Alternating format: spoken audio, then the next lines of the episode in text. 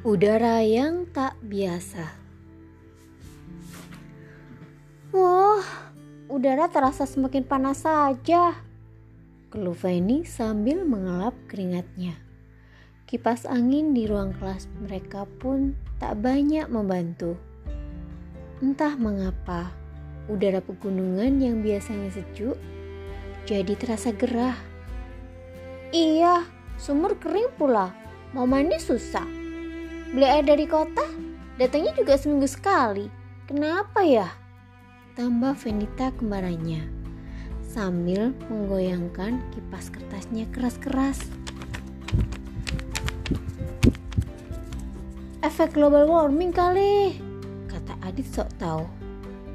Eh, lebih kenceng lagi ngipasnya dong, katanya lagi. Venita jadi bersungut-sungut